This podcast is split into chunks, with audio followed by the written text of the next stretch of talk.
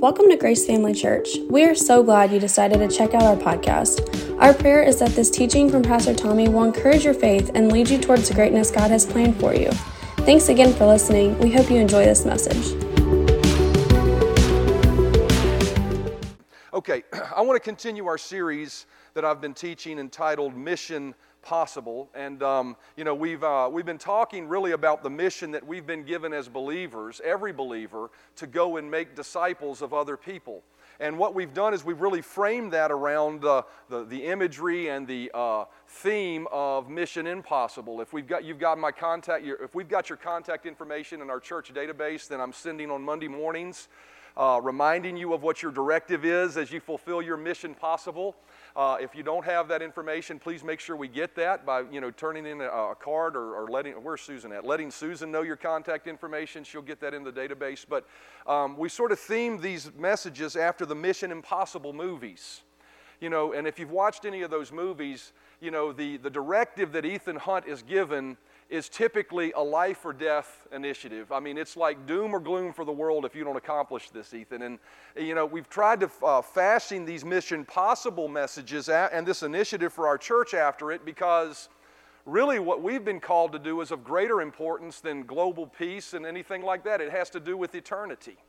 And we find that directive issued to us as believers in Matthew chapter 28, verse 18 through 20. And so I want to read that, and then let's just pray together and believe God for what He has for us today. I believe He has something for every person here. And I believe if we believe God, He'll has a way of using people and doing things to just speak to you right where you're at and answer some questions you may have. So Matthew chapter 28, verse 18 says, And Jesus came and spoke to them, saying, All authority has been given to me in heaven and on earth. Go therefore and make disciples of all nations. Everybody say disciples Go therefore and make disciples of all nations, baptizing them in the name of the Father and of the Son and of the Holy Spirit, teaching them to observe all things that I have commanded you. And lo, I am with you always, even to the end of the age. Let's pray before we get started. Father, thank you so much for the fellowship and the worship and the, just the, the, the, the atmosphere in this church. I thank you that uh, your Spirit is doing mighty things in our midst, and we just thank you for that. I'm so grateful for it. And Help us stay out of the way of it and just let you continue to do what you're doing. But I ask as we come to this portion of the service, which this service is designed for, that we would open our hearts to hear your word. Your word are the words of life. That we would open our hearts to hear the truth of your word, Father, and that you would grant me the anointing to speak your word, and that your anointing would rest upon your people to hear your word. So that, Father, we can walk out of here and have said we're better. We're, we grew as a believer. We've stepped forward in our place as a Christian because we came to church today. And I just give you praise and thanks for that, Lord, in Jesus' name. Amen. You know, I had you repeat that word disciple after me because I wanted you to notice it, you know, and we've been talking about in this series that when Jesus said to go and make disciples, he didn't say go and make a quick conversion. He said go and make disciples. That word disciples is a very definitive word. And we pointed out early in the series that this, that word basically means somebody that's a follower of Jesus and someone that is also making other disciples of Jesus. And so, a real disciple is a person that doesn't just come to church on occasion, doesn't just make a commitment to Christ or uh, occasionally reach out to God when they have a need, but they're a disciple. They're a follower of Jesus. And then they're not only that, but they're so excited and enamored about their relationship with Him because they love Him so much for what He did for them that they can't help but tell other people about who Jesus is. And so we've been called to make disciples. And notice it doesn't qualify that. It says go therefore. It doesn't say go anybody specifically. It was the group of disciples. These, this was his starting group. And, and he would be saying the same thing to us this morning if standing before us that it's our call as every believer to go and make disciples of others. It's not the, it's not the call of just the mature, Christian mature ones. How many of you realize those folks had been, just, many of them had just become followers of Jesus, just born again? How many of you realize the very person that, that, that God built, built the church upon, you know, Peter's revelation and his, his, of Jesus being the Christ and that revelation being the foundation of the church and Peter being the leader of that church early on. Peter, only a few days prior, had denied him three times, right? So it doesn't matter where you are in your relationship with God. It doesn't matter if you're a new believer or if you're a mature believer. We all are called with our lives to make disciples. And so every person here has been called to do it, and, it's, and we should have that same critical mindset set about it. But the good news about our calling is this is that we have the ability by what God has placed within us to do it. Look at your neighbor and say, I can do it. God believes in you. Listen to me, this is important. He would not have called you to this purpose if He did not believe you had the ability to do it. So you may have cowered from it, you may have shrunk from it, you may not have done it, right? But God has given you the ability to perform it, and He would not ask of this of you if you did not have the ability. Therefore, I can tell you something not only does God believe in you, but I believe in you. When I look before me, I see a group of people that have the ability to make disciples of men, of the people in their life that their life touches. And so I can tell you this He's counting on you, I'm counting on you, and more importantly, the people that your life touch are counting on you whether you realize it or not. See, Mark chapter 16 and verse 15 says, And Jesus said unto them, Go into all the world and preach the gospel to every creature. He that believeth and is baptized shall be saved, but he that believeth not shall be damned. What that verse tells us is very clear. The thing I love about Jesus is he did not worry about political correctness, he just said what was the truth. And what he said here was this if a person will believe the gospel, they can be saved. They can become a child of God and they can go to heaven. But if a person does not believe and accept the gospel, the Bible teaches us that that person will be damned. What does that mean? That means they'll spend an eternity in hell. Now, that should be a stark wake up call for us, and that's why I say we should have the same level of urgency and why people are counting you. How many of you realize a person in a burning house that they don't know is burning is counting on that fire alarm to wake them up and get them out of there if it happens at night? People are counting on you because of the knowledge that you have to be a disciple maker in their life, whether you recognize it or not. And I believe that, that when this, this verse of Scripture says, you know, really basically there's a heaven to sh- gain and a hell to shun, and that's a very common phrase. But I believe that heaven and hell are much closer than many people believe. See, number one, they're much closer than many people believe because in this life, if, you, if you're not a believer, and as a believer, how many of you realize God promises you in Psalm 91 that He will satisfy you with long life, right? So, as a believer, you should never buy into the lie that you just never know when your moment will come. Why? Because God promises you long life, right? So, stand and believe for a long and satisfying life. The Bible tells us if we follow Him, we can add length of days to our life. You can add days to your life if you just follow God, right? So you need to remember that. But for an unbeliever, there is no promise of when or where they're going to depart this planet and step into eternity right? And unfortunately, many times because of the tragedy of this life, that happens many times for adult believers before they're prepared. How many of you realize when a child dies, they go to heaven, right? Their heart's alive unto God. But, but when a person that is uh, uh, uh awake and aware of the way that we should live our lives, if, and they're aware of when they have done wrong, right and wrong, and the awareness of sin comes, at that moment, they become responsible for their life. And that person, unfortunately, can step into eternity at any moment. So, the, the, the, brevity of life and the frailty of life lets us know that people are counting on us. People that your life touches every day, if they were gone tomorrow, do you know if they would be prepared for eternity? Critical for us to live with that kind of lifestyle, mindset. Not only that, but secondly, I believe we're closer to heaven and hell eternity for most of this planet because I believe we're nearing the return of Jesus.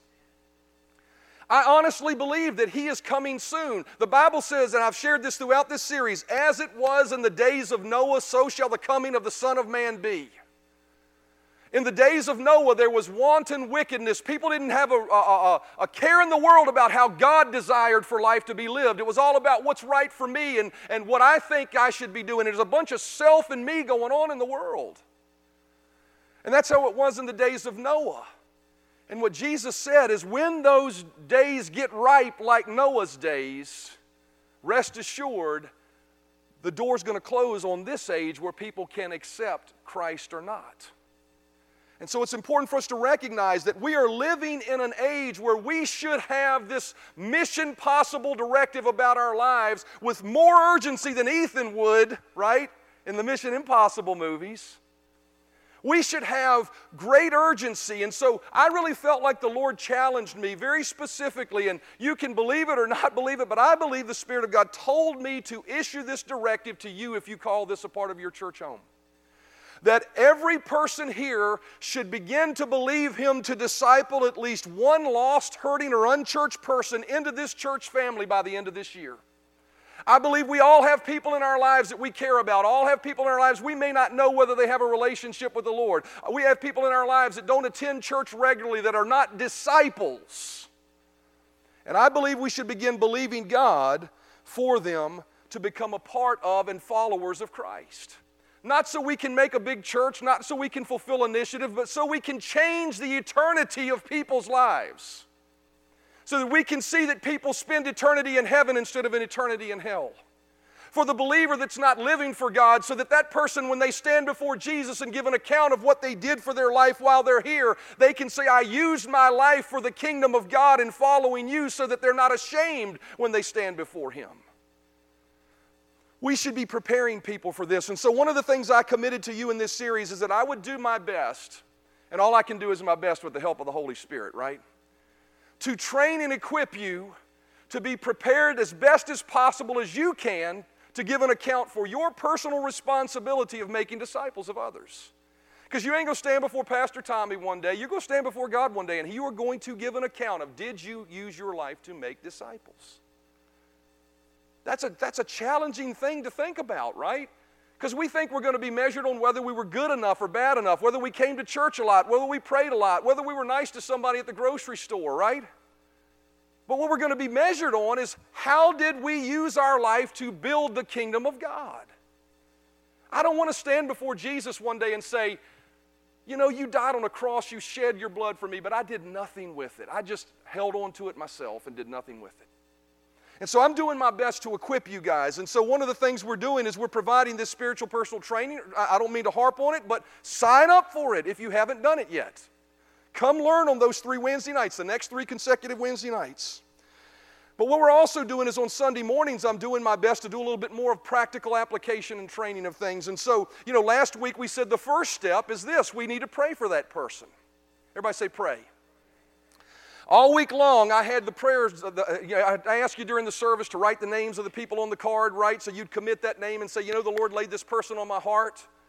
And I asked you to bring those forward if the Lord laid somebody on your heart. And so you brought them forward. And I laid these across the altar uh, all week long. Every morning I was over here praying over these cards praying over these cards that God would open the eyes. And I hope you took the, the, the, the, lesson we taught last week on how to pray for the lost and you prayed over that individual and you did that regularly, right? Because that'll do one of two things, right? Number one, it'll develop a passion and an awareness in you when you're with that person that, wait a minute, this is more than just a friendship, right? I got to be looking for opportunity to help this person because I really do care about them, right?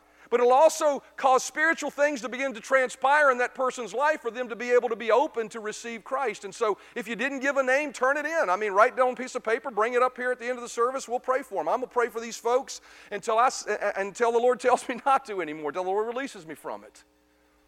But I would tell you, we taught you how to pray for the lost. I can't go back and redo that message. Go out and listen to it.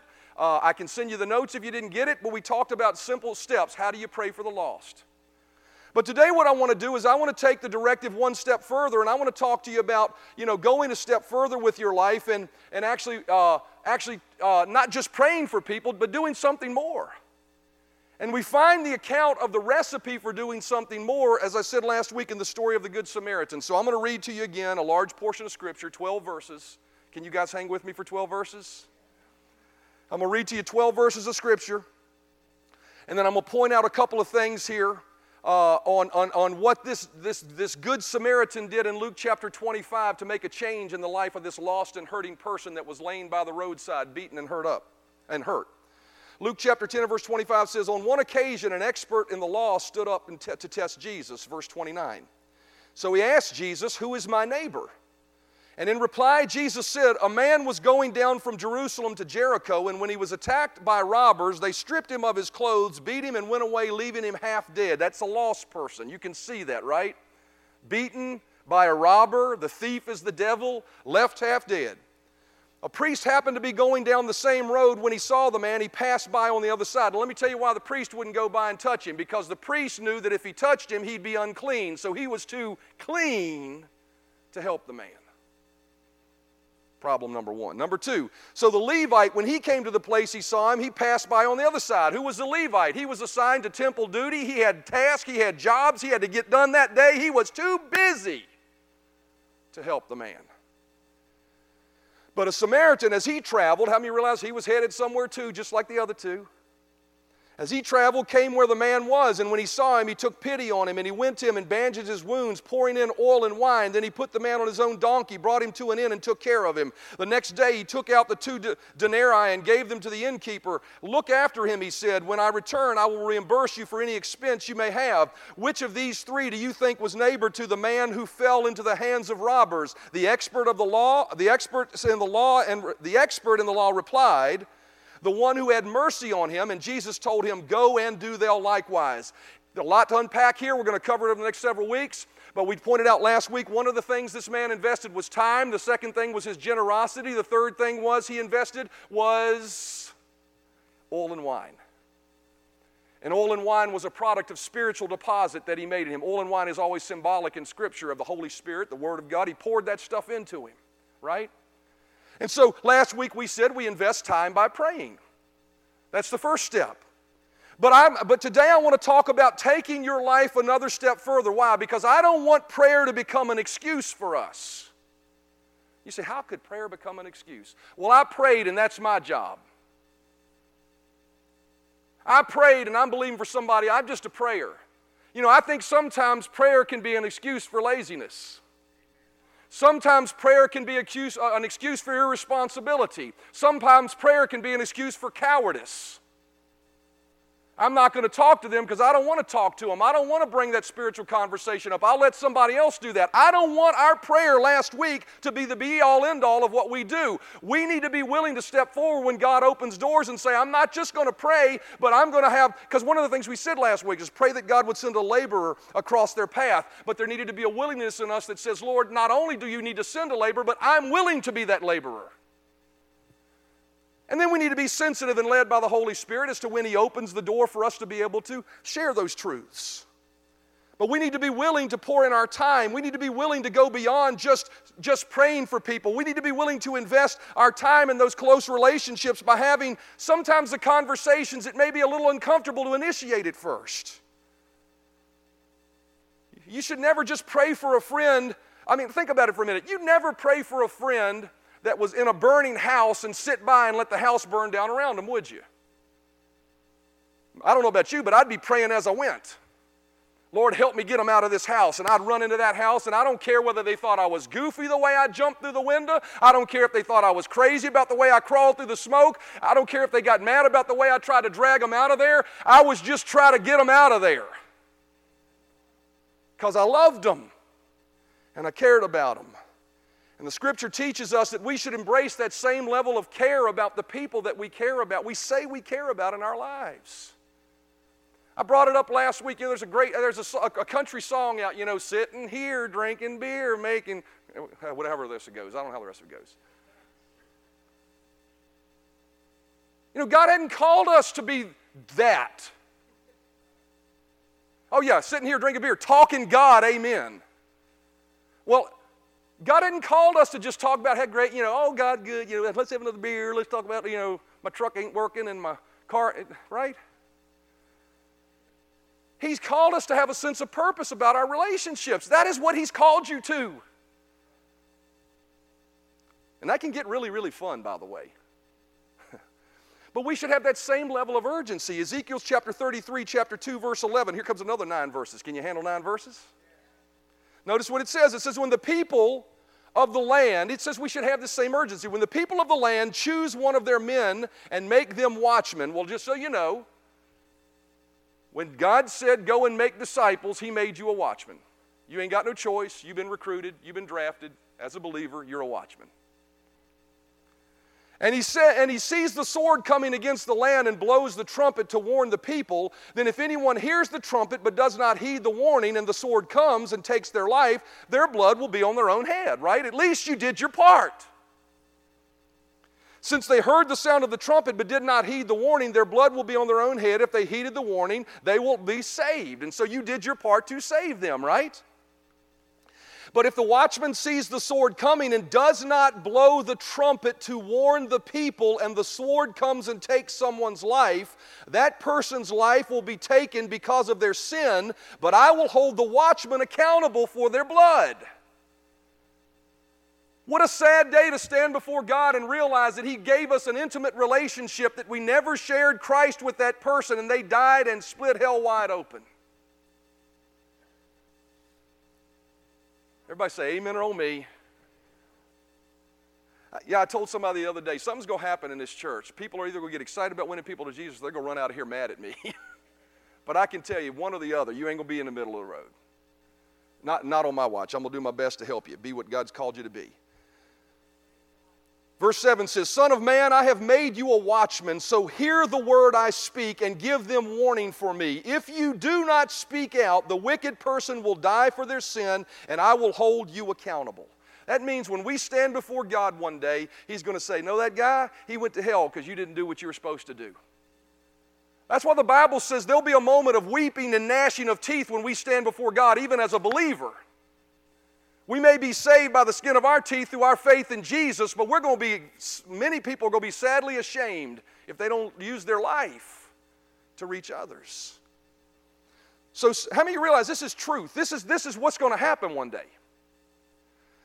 So say to them, As surely as I live, declares the Lord, I take no pleasure in the death of the wicked, but rather that they turn from their wicked ways and live. Turn from your evil ways. What is he saying there? He's saying, Why am I asking you to be a watchman? Why am I asking you to pour your heart out to others? Why am I asking you to put yourself in a situation that could be uncomfortable, that may, may cause you a friendship even?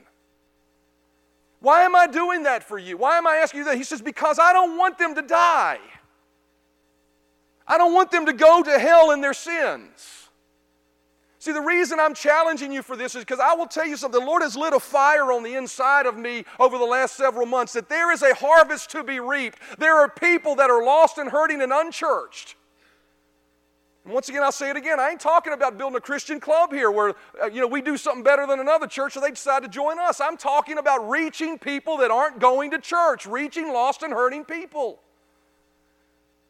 How many of you realize there's more people not in church this morning than there people are in church this morning? We couldn't fill this place if we, I got to tell you something, every one of us got serious about this, we'd have more than 200 people because you'd be talking to everybody. I believe God wants to set this house on fire.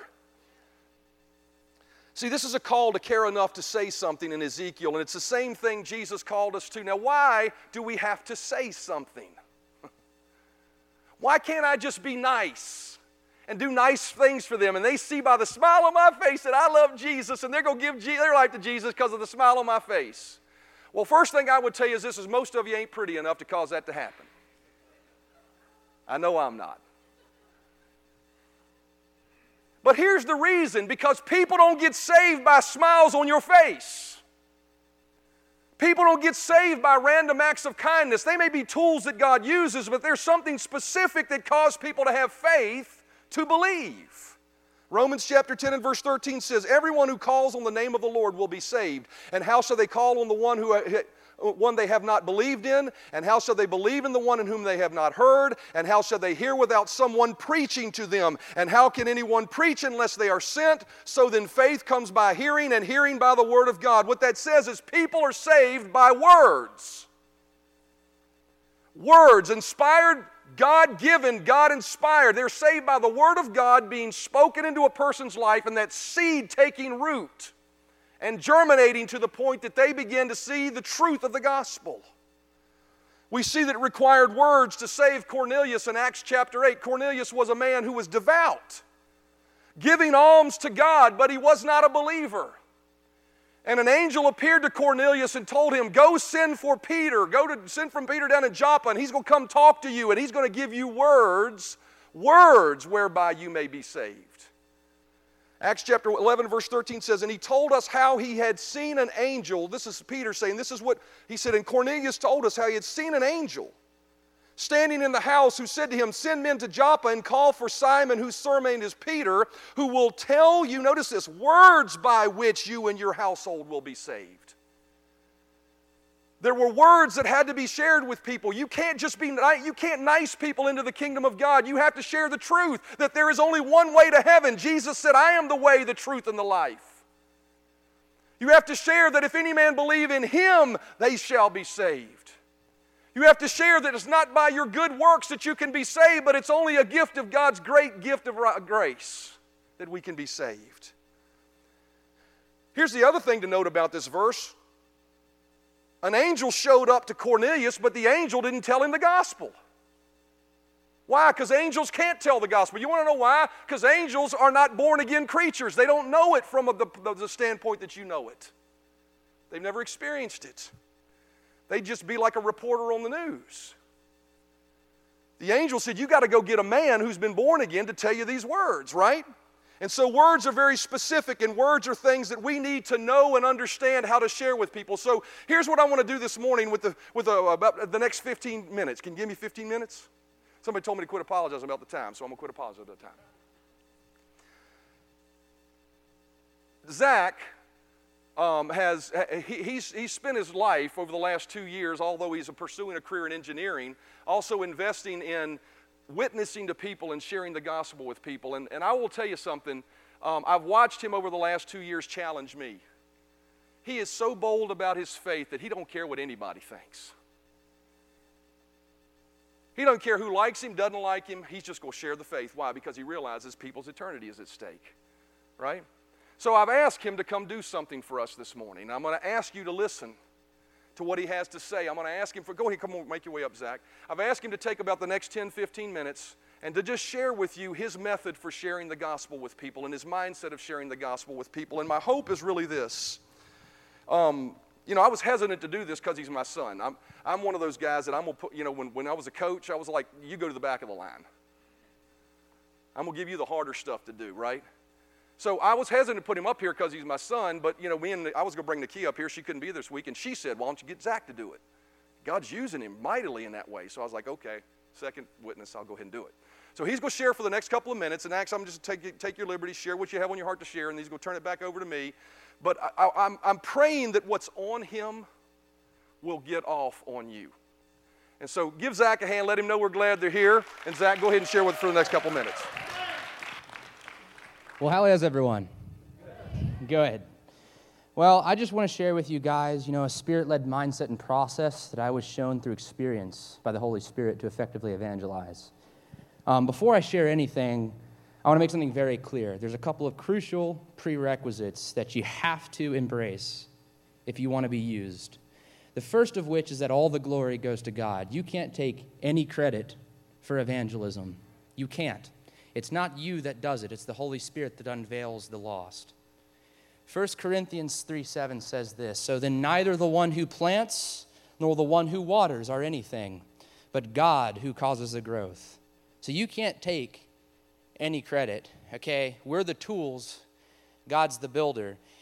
And even by the builder's mere craftsmanship are the tools designed for their purpose. So you can't take any credit for even your own talents that the Lord has blessed you with. The second crucial prerequisite is this is that in every circumstance, you must always be willing to use as a tool for Christ. It's not a part-time job. It's a 24/7 full-time kingship position. The king will never put you into a role of placement that you can't handle. Look at Daniel 6 3. Then this Daniel began distinguishing himself among the commissioners and satraps because he possessed an extraordinary spirit and the king planned to appoint the king planned to appoint himself over the entire kingdom daniel. So if you look at the original hebrew of the bible which is the original translation of the old testament that word spirit in that excerpt is ruach. It's used biblically as the seat of the mind. So daniel had an extraordinary mindset in all circumstances and as a result the king appointed him above all the kin in the kingdom See, it's not coincidence that that's in the Bible.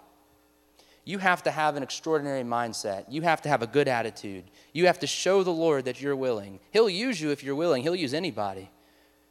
You can have the ugliest smile in the world, as he was saying. And the Lord will use you if you're willing. So, with that being said, evangelism presents itself in two distinct ways. There's personal, everyday relationships, which is what he's leaning more towards today. There's also street evangelism. Okay? This is an encounter with a stranger acquaintance, any encounter where Jesus is shared as you yield to the Lord's instructions. It's often very spontaneous, very spontaneous. It requires a free fall trust of the Lord, and you have to trust that He'll say the right things. And as you trust Him, you will say the right things.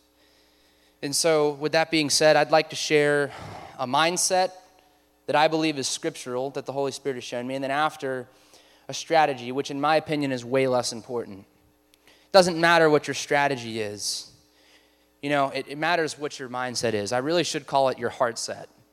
Because at the end of the day, if your heart's not in the right place with this, the Lord can't use you. Not because He's bitter towards you, because that's not good, the Lord's heart. He wants to use everybody.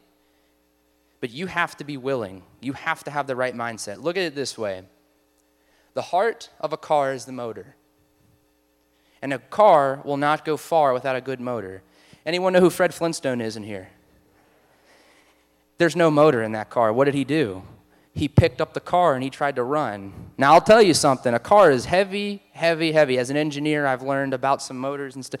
Very heavy. You can't pick up a car unless the Lord gives you some sort of supernatural might for some reason. But you can't pick up a car and run with it, and it doesn't work the same with evangelism. You have to have a good motor, and that's your heart. So the mindset, all right, is what matters. The first step of the mindset is this is that salvation is first, friendship is second. That sounds asympathetic. But to tell you guys the truth, it is the most sympathetic thing you could ever consider. Because what happens if you make a friend first and you don't share the gospel with them? What happens if the Lord comes tomorrow? They're doomed. Your friend goes to eternal abandonment and you're going to be held accountable, as the book of Ezekiel says. So here's the thing there's personal evangelism, like I said, there's also street evangelism. With personal evangelism, we need, not be, we need to be sensitive to the Holy Spirit for opportunities. So, because personal relationships require credibility, care, and sincerity. These relationships, they require spending time with the individual while Jesus, while sharing Jesus with them. But street evangelism we still need to be sensitive to the Holy Spirit, but these instances aren't about forming credibility. The Holy Spirit is the credibility. He unveils, not you. They are about getting the gospel to people as the Lord instructs you. The only time in street evangelism where you form a friendship first is if the Lord tells you to, or I've noticed this, the Holy Spirit has shown this with me. If the person comes from a place of bitterness or hurt towards the church, those people, as soon as you share Jesus, they shut off and if they're like that, you have to form a friendship. That's the only way to do it because the Holy Spirit will soften their heart as you relate with them. So, the second part of the mindset is this you have to be upfront about your intentions. You have to. You can't hide Jesus. You can't do it. If you hide Jesus, well, then you've completely missed the purpose and you've missed the mark of what you're out there to do. Um, Matthew 10 7 says it this way this is Jesus preaching. As you go, preach this message the kingdom of heaven is at hand. And i'll actually i'll read verse 8 too. I don't ha- we don't have it but it's important i say this I, the lord told me. It says as you go preach saying the kingdom of heaven is at hand. Heal the sick raise the dead cleanse the lepers cast out the demons. Freely you receive freely give. But look at what jesus said there. It was an order. You preach the gospel first and then the miracles happen. I'm not saying that's always how it happens but that's just to show you the importance of sharing the gospel. God's heart is completely on fire for this. This is what he cares about the most, in my opinion. But um, if you really care, you will share. There should be no excuse. This is a commandment from Jesus himself. He sent his disciples to, tell, to share that the kingdom of God is at hand.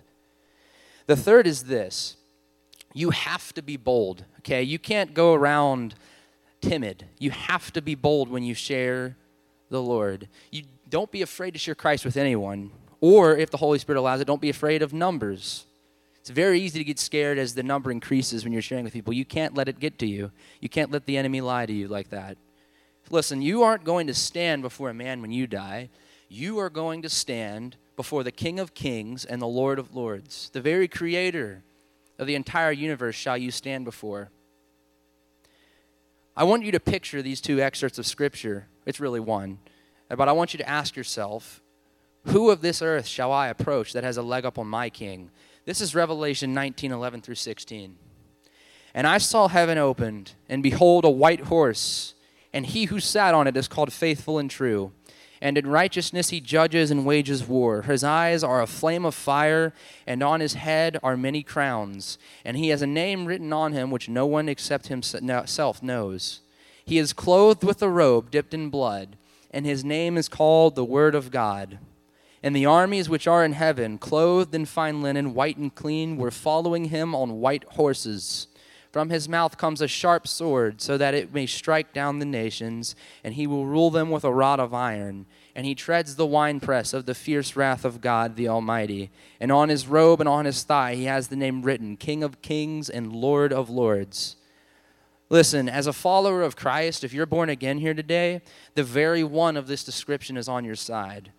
Now, let me ask you this question Is there anyone, anyone that you may speak to that has this description, that has this level of holiness and mightiness? No, there never will be. No one has flames of fire. No one has King of Kings and Lord of Lords literally engraved into their skin.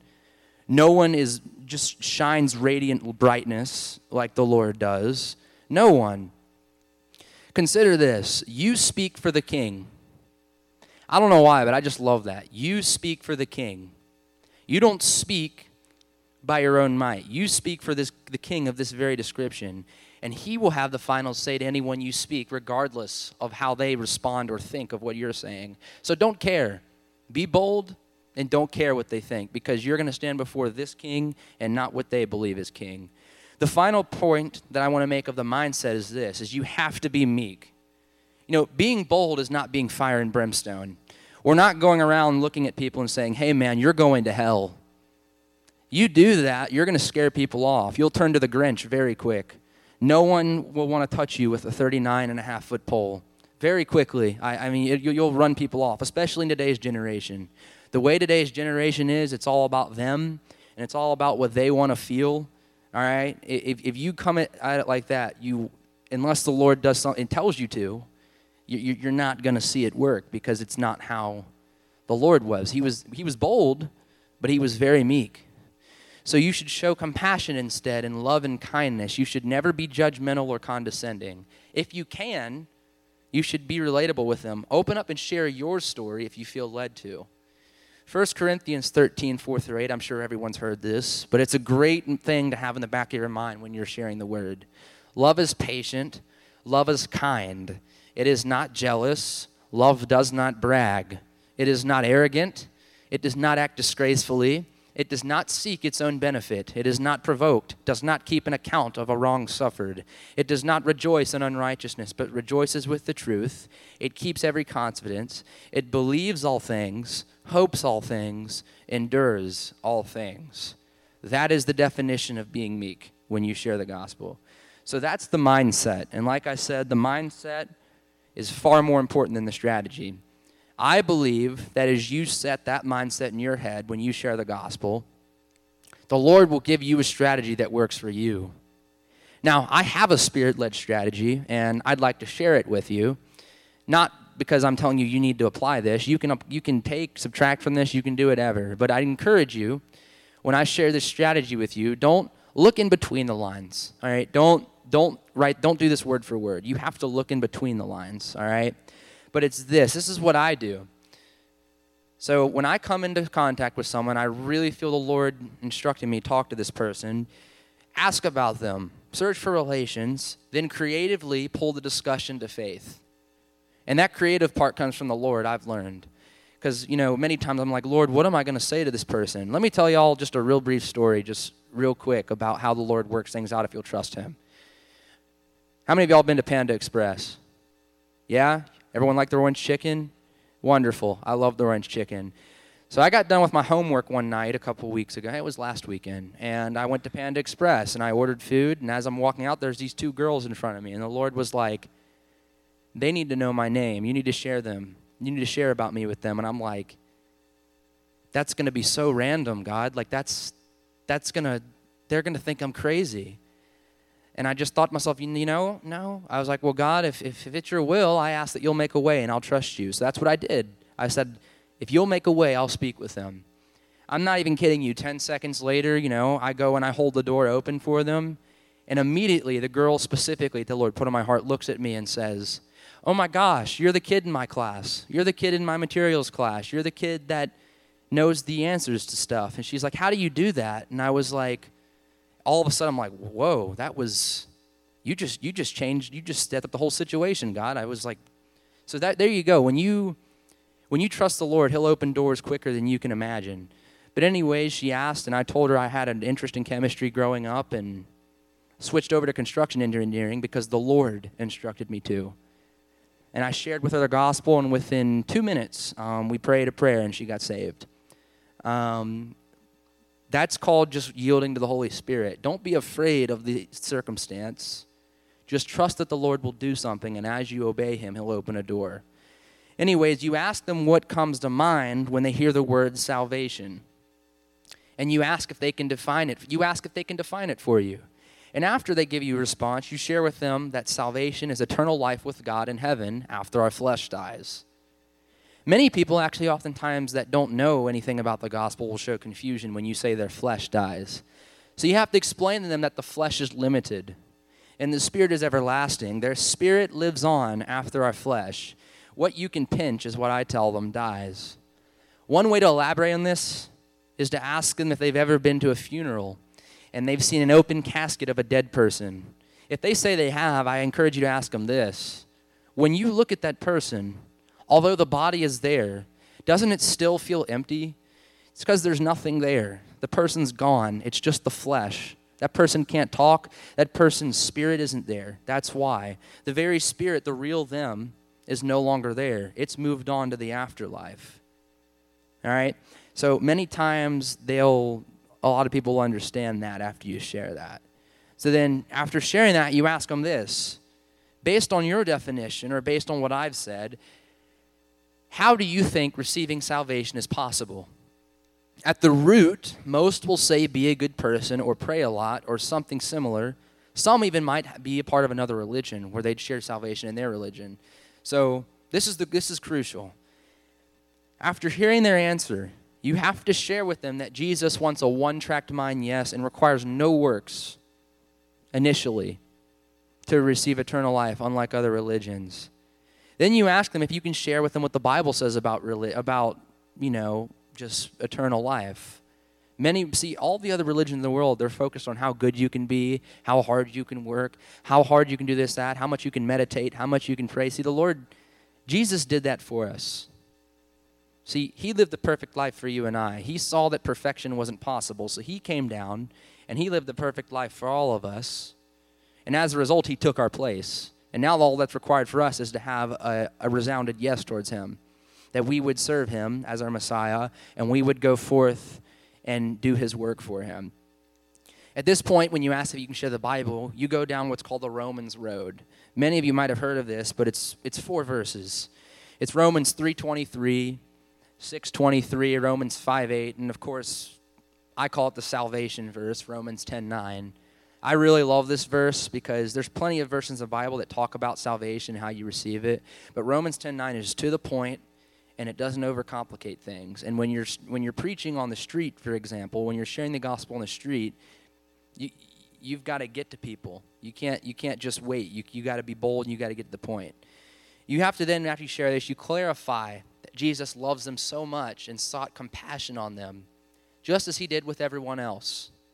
He took our place and lived a perfect life so we didn't have to. God knew that perfection was impossible for man. So there's no works, no feats, no brute force because we can't do any works in the first place. If you read Galatians 3, I encourage you to. Galatians 3 pretty much sums this up very well. Um, you ask them if they believe this, okay? If, if, yes, you share once again Romans 10 9, and you ask if they've ever said a prayer relating to what is said in that scripture. If yes, explain to them they are about to get a one-way ticket to heaven. That's the way I say it because that's what it is, and it really it, it, it baffles people when you say that. You're about to get a one way ticket to heaven. If they say they're ready for it, you do a repeat after me prayer. There's other ways to do it, but I just find the repeat after me way, way better because, and you just tell them, if you just repeat after me and believe this as we say it, you will be saved. That's how it works. So, you know, here's the thing a lot of people, not a lot, but some will say, no, I don't want to make the decision. And you ask why. It says, because I don't personally, I've never personally experienced this. So at this point, you have a choice. You can, you can kind of lean back on the Holy Spirit and hope that He would give you what to say. But I, this is what I do I share personal testimonies or known miracles where people use the name of Jesus and they see results. Okay? And that's I think that's important is sharing results where people use the name of Jesus because that'll show people that Jesus is the way, the truth, and the life, and that through his name things are delivered. So you share that. And if they choose to believe after sharing the personal testimony of miracles, pray with them like before. Share Romans 10 9, ask if they say yes. Repeat after me. But if they resist, if the resist continues, you have two choices. You, the choice decided is made really by discerning the spirit of the conversation. You have to really read what's going on. Are they really, through their body language, are they showing you they're not interested and they want to get out of here? Or are they engaged? They just don't want to make the decision. Well, at this point, you can engage, you can ask why and engage further, or at this point, finally, you can foster a friendship. So, if they are from street evangelism, you have to get their contact if, if they're not going to accept, and you have to be intentional. You, you, do not, and also this, do not let them steer you from the Lord. And you must go out of your way to serve them and show them love and kindness so that Jesus reflects off of you at all times. If they seem apprehensive, just thank them politely for their time, encourage them to continue considering a relationship with Christ. And this is important let them know that you will be praying for them and actually pray for them.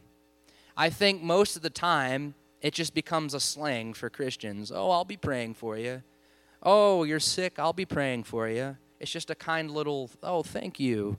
But then we don't actually go home and pray. We just forget about it. It's just become no, prayer is powerful. Mark 11, 24 says, Ask for anything in my name, and if you believe you've received it, it'll be given you. I don't take that lightly. I think that's serious. And I've seen it work in my life. When you ask the Father for things in your name and you believe that you're going to receive it before you ever actually see it, you'll see it happen. Blind Bartimaeus did he saw it figuratively and literally. He was blind and he saw that he would be he would see before he ever believed it, figuratively and literally. That's a great story to reflect on about how to believe blindly. Um, you know, so it's important. You actually have to pray for people. You can't just say, oh, I'll pray for you, and they're not. This may sound crazy, and if someone sees it, they may think you're some, you know, mental hospital person if they see this, but I encourage this get some notepads and put it on your wall and literally just write the names of people that you said you've prayed for and kind of put bullet points about what you need to pray for them. And just in your prayer time with God and your free time, pray for them. Bring them to the Father. Pray for them because that that's powerful. I mean, I, just, I mean, you know, this is besides the point, but there's in my community up at Virginia Tech, Chi Alpha, there are plenty of stories of people who met people who were apprehensive to the gospel and they, in their free time, just kept praying and praying and praying for that person. Two years, someone once prayed for someone continuously for two years after they met him. And finally, out of nowhere, after not seeing the guy for two years, the guy texts him and says, Hey, I was reminded of this this morning, and I, I want to pursue this now. So there's really there's power in praying. And so don't don't just say you're going to pray for someone and not pray for them. First of all, that's not honest, and second of all, that's watering down the validity of the Bible. That's not cool. Um, if they're a relational friend and they're apprehensive, agree to put the conversation on the, cell, on the shelf for another time. But let them know that you will be praying for them, and you actually will pray for them, to see a need for Jesus in the future. And then just one more thing to throw out there, and then I'll, I'll, I'll get out of here with y'all's hair. Um, you have to follow up with people. I think that's the most important thing is, you know, if you don't follow up with people, sometimes they're just going to forget about the conversation altogether. So after you've prayed with someone to accept Christ, you encourage them in their faith. And this is what you should share with them. You should encourage them if they don't have a Bible, you should you should be willing to go out of your way to get them the Bible if that's in your availability. But you encourage them to read the Bible daily. You encourage them to talk to God regularly. And that's just praying to God. You know, prayer is just communication with God. That's all it is. Um, so just encourage them to pray and encourage them to attend a good Bible believing church. And newsflash, invite them to yours. Invite them to this church if the conversation feels right for that. Um, inform them that these three steps will produce an intentionality with Christ to live like He did, and naturally over time, a process that is all over Scripture known as sanctification uh, will change them. Sanctification, this is the way I put it to people on the street that have never heard the word. Sanctification is the supernatural process of becoming more like Jesus as you intentionally live for, your, for Him to the best of your ability. That's what it is. Um,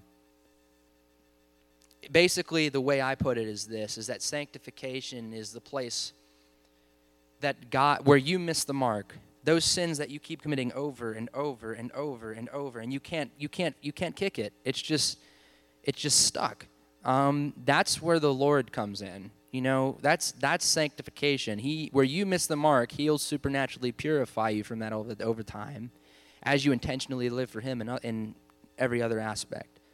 Um, that's what i have. That's kind of the mindset and Amen. you know the strategy but Amen. Give Zach a hand. Thank you, Zach. Amen. Am I on? Am I on? There we go. All right. Thank you, Zach, for sharing that. Um, and so, literally, we've been called to make disciples. And um, Zach's doing it with his life. I believe God's called us to do it with ours. Matthew chapter 28, verse 18.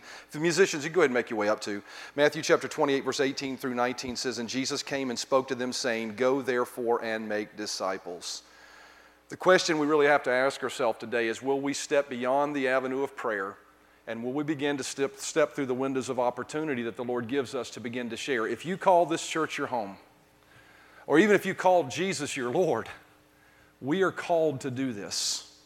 You know, I, I, I, know Isaiah was faced with this challenge at one point in his life. In Isaiah chapter 6 and verse 1 through 5, Isaiah had an experience of meeting the Lord. And I want to close the service by reading this and then giving you the opportunity to make a commitment and make a call. So I'll ask you to hang with me. But Isaiah chapter 6, verse 1 through 5 says, In the year that King Uzziah died, I saw the Lord sitting on a throne, high and lifted up, and the train of his robe filled the temple. And, and, and above it stood seraphim. One had six wings. With two he covered his face, with two he covered his feet, and with two he flew. And one cried to another and said, Holy, holy, holy is the Lord of hosts. The whole earth is full of his glory. And the posts of the door were shaken by the voice of him who cried out, and the house was filled with smoke. So Isaiah said, Woe is me, for I am undone, because I am a man of unclean lips, and I dwell in the midst of a people of unclean lips, for my eyes have seen the King, the Lord of hosts. Isaiah had a moment with God in his life where he saw the Lord and he saw how holy he was. And in the light of how holy God was, he saw his human inability and his human imperfection. And you know, that, that can very much relate to this challenge to make disciples. I think sometimes we see, you know, not to give glory to any person, but see a guy like Zach who steps up and shares the gospel regularly and boldly and think, how could I ever do that? We see our inability, we see our insufficiency, we see the moments where we've cowered back and maybe haven't shared, and, and, and we see our inability. But the thing about it is, is this is when we encounter God, and even in our worship, when we see His greatness, the beautiful thing about God is He never points out, He never puts His finger or thumb on us in those areas where we see our insufficiency or where we see our inability, where we see our sin. God isn't in the business of doing that. Isaiah perceived his unworthiness as a result of his own self assessment. When we see our problems and shortcomings, it's not because that's who God says we are, it's because of how we see ourselves. But God will do the same thing that He did for Isaiah here in Isaiah chapter 6 for us if we'll simply be willing to answer the call. See, in verse 6 it says, Then one of the seraphim, after he cried, I'm unworthy, I'm unholy, I, I, I'm, a, I'm a wretch. Then one of the seraphim flew to him, having a hand of live coal which he had taken from the tongs from the altar. And he touched my mouth with it and said, Behold, this has touched your lips. Your iniquity is taken away. Your sin is purged. What did God say? He said, Isaiah, I don't see your sin. I don't see your inability. I don't see your inadequacy. I don't see your lack of ability to share. What I see is what I shared at the beginning of this message. I see an army of people sitting in front of me that have the ability to go forth and make disciples. God never shows up in our life to point out our lack of ability, He always bestows upon us His. And when He does that, the next moment, once He reassures us, you can, you're an overcomer, you're a winner, you have it in you, I live in you, and I'll work through you. When He does that, there's always a call that follows it. And that call that follows it is always a call that's not about us. In Isaiah chapter 6 and verse 8,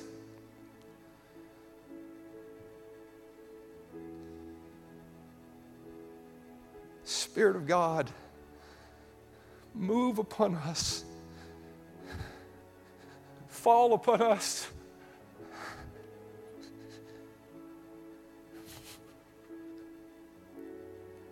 This verse, I pray we hear the heart of God in it.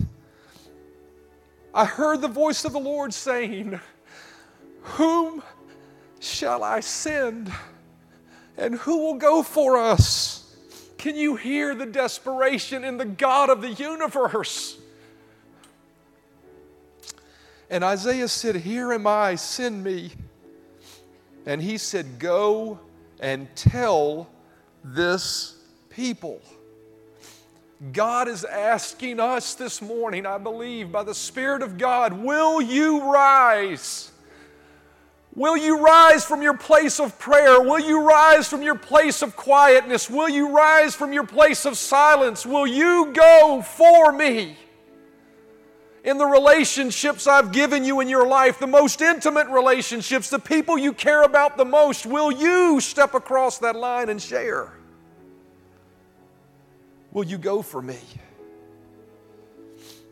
If your answer is yes, or even in a willingness to do that, here's simply what I want to do. And I do this humbly and I do this with great, honestly, natural reservation. Uh, 1 Timothy chapter 4 and verse 14 says, Neglect not the gift that is in thee, which was given thee by prophecy with the laying on of hands. Paul said Timothy had a gift upon him that was imparted to him by someone laying hands on them. And I say this really humbly. I told my son I'd kick him in the butt if, if he let this get to his head. but there's an anointing on him to share the gospel with people boldly without reservation. It challenges me. In my business relationships, are there opportunities where I should be sharing where he would have shared? right? There's an anointing on him, there's a gift there. And I really believe that what the Lord told me to do was to have us stand for a moment in worship and commit our heart to be tellers of the gospel and not just people that hold it in our hearts. And if the Lord would so lead you that you would say, Lord, here am I, send me, but I see my inadequacies and I need gifting, I need boldness, I need courage. I'm pray- I pray that you'd come forward, and I'm just going to ask Zach to pray for you, lay hands on you and believe that the anointing and boldness and courage that is on him would get off on you. That's what I'm going to believe for. A spirit of evangelism. That we would answer the call as a church Here am I, Lord, send us. Thanks for listening to our Grace Family Church podcast. We really hope you enjoyed this message. If this ministry has blessed you in any way, we would love for you to get connected. Just go to gfcva.info to learn more about who we are, how to give to this ministry, or how you can get involved. Thanks again for listening, and we hope to see you soon.